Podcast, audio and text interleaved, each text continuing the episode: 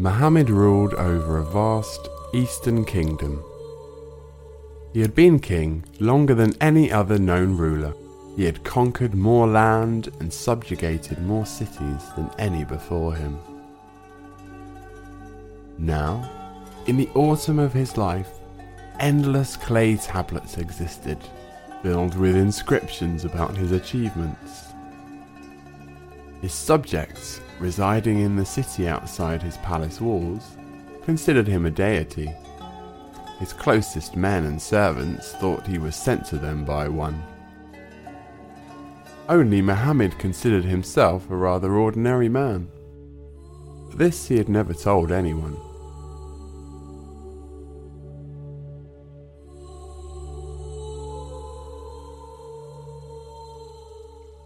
One evening, as the sun was setting, Mohammed was walking by himself in the palace garden.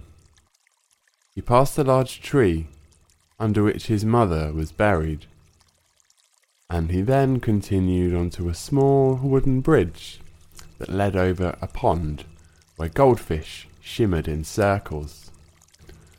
When he came to the middle, he stopped. He looked out over the greenery in the garden and further away, beyond the walls surrounding the palace, he saw the last beams of the sun vibrating on the horizon. Mohammed stood completely still until the spectacle of the sunset had passed and everything around him was dark. Eventually, he continued across the bridge. Suddenly, he heard steps approaching from behind. He turned around and saw one of his servants appearing from the shadows. His breathing was heavy. What has happened? said Mohammed. Your Highness, a man has arrived.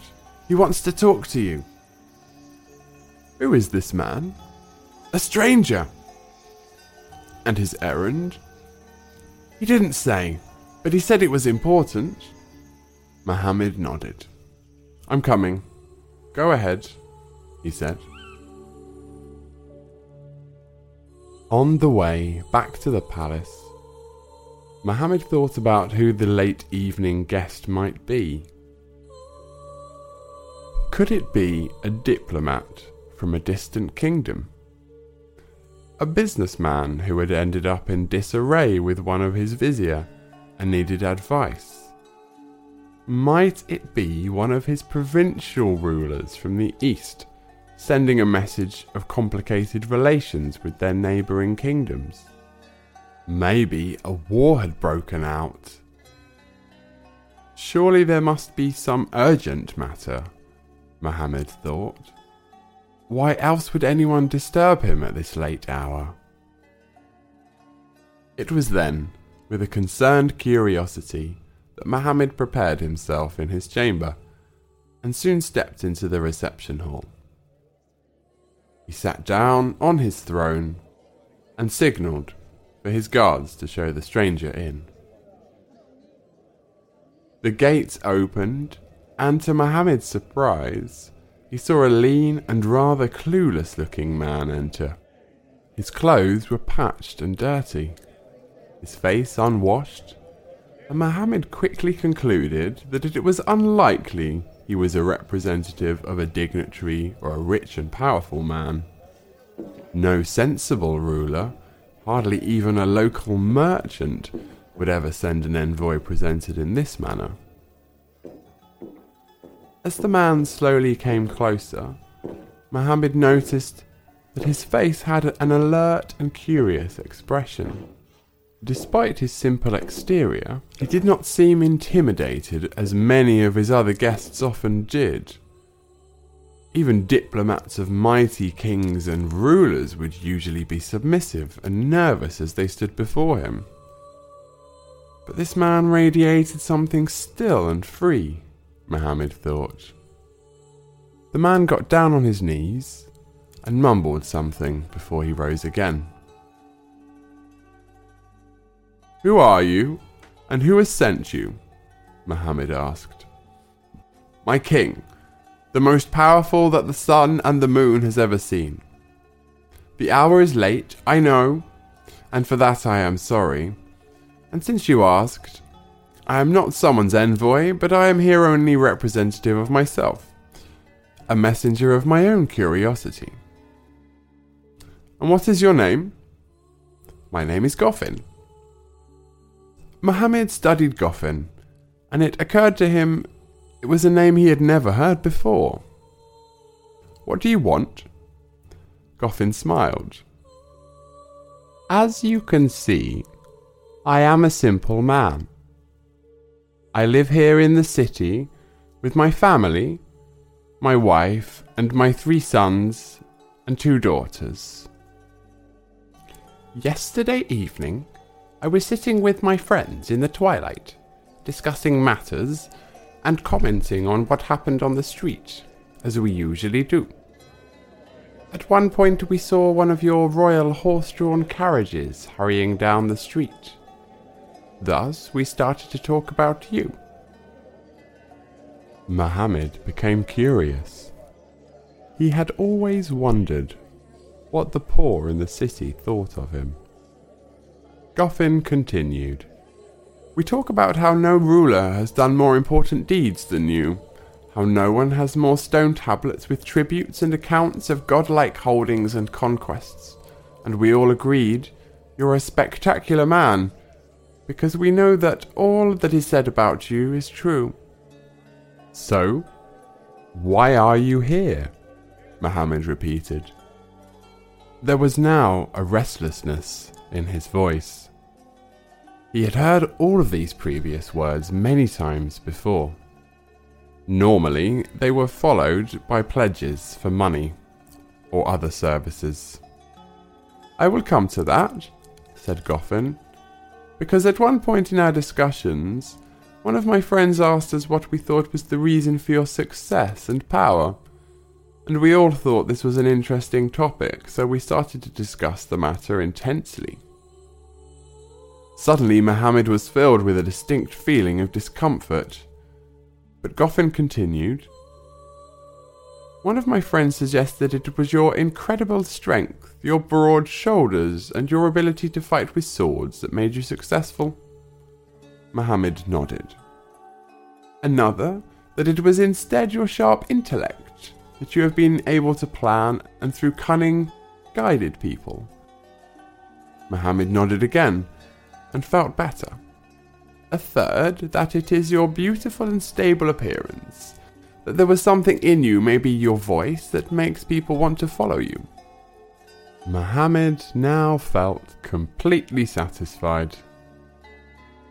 And what do you think? Mohammed asked. The man looked at Mohammed like he was looking straight through him. He remained like that for a long time. But tell me then, Mohammed said. Tell me, I'll listen and see if there is any truth to your thoughts. But the beggar just continued looking at him, without a word, until he put on a friendly smile, showing off his rotten teeth. Then he turned around and walked towards the gate, past the guards, and disappeared out of the reception hall. Instinctively, Mohammed wanted to shout for the guards to catch the man and force him to stay. But he stopped himself.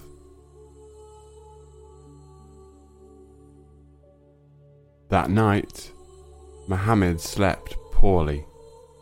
He lay awake in his bed, tossing and turning, and wondering what had happened. What was it that the beggar had decided might be the reason for his success?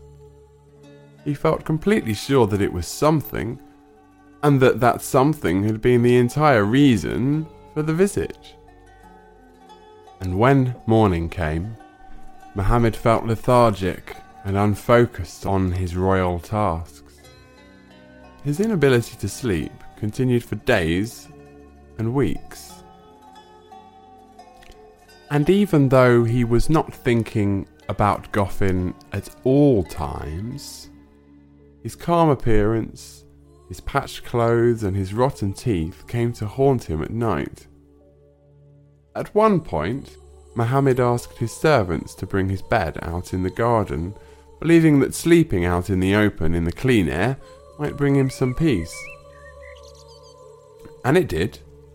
The cold air and the sounds of nighttime animals helped him to ponder less. After a week, he felt much better. But by then, he had gotten used to sleeping outdoors, and so he continued with the habit. He began to spend even his daytime out here. After a year or so, he stopped visiting the palace completely his advisors and officers took over the daily tasks and made ongoing decisions for him. Only temporarily they came to ask for his advice. He felt better than he had for many years. Under the sun and the stars, amongst nature, he was carefree. So, the years passed. Mohammed stopped shaving, washing, changing his clothes. He now slept on the ground next to the pond. And during the days, he helped the gardeners to cut trees and plant flowers and collecting figs. Soon his clothes became torn and his beard grew long. He blended in completely with the other workers. One day, as he was helping the workers to cut down a particularly large, dry branch of broken fig tree, he injured himself. The head gardener immediately came running over to him, but to Mohammed's surprise, he was very upset telling Mohammed that he was no longer fit to work at the palace. Before Mohammed could react, his fellow gardener brought one of the guards, who quickly grabbed Mohammed by his arm and led him to a back gate. The guard opened it, and Mohammed stepped out on the light sand dunes. Aware that he hadn't any belongings about his person, he slowly started to walk away into the seemingly eternal desert.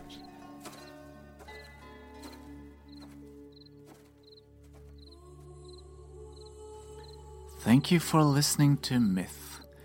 If you like this podcast, please subscribe, follow, and share with friends and family. This episode was narrated by MG Moon who also mixed it and put on some sound effects. And it was written by me, Ola Claesson. Thanks again for listening.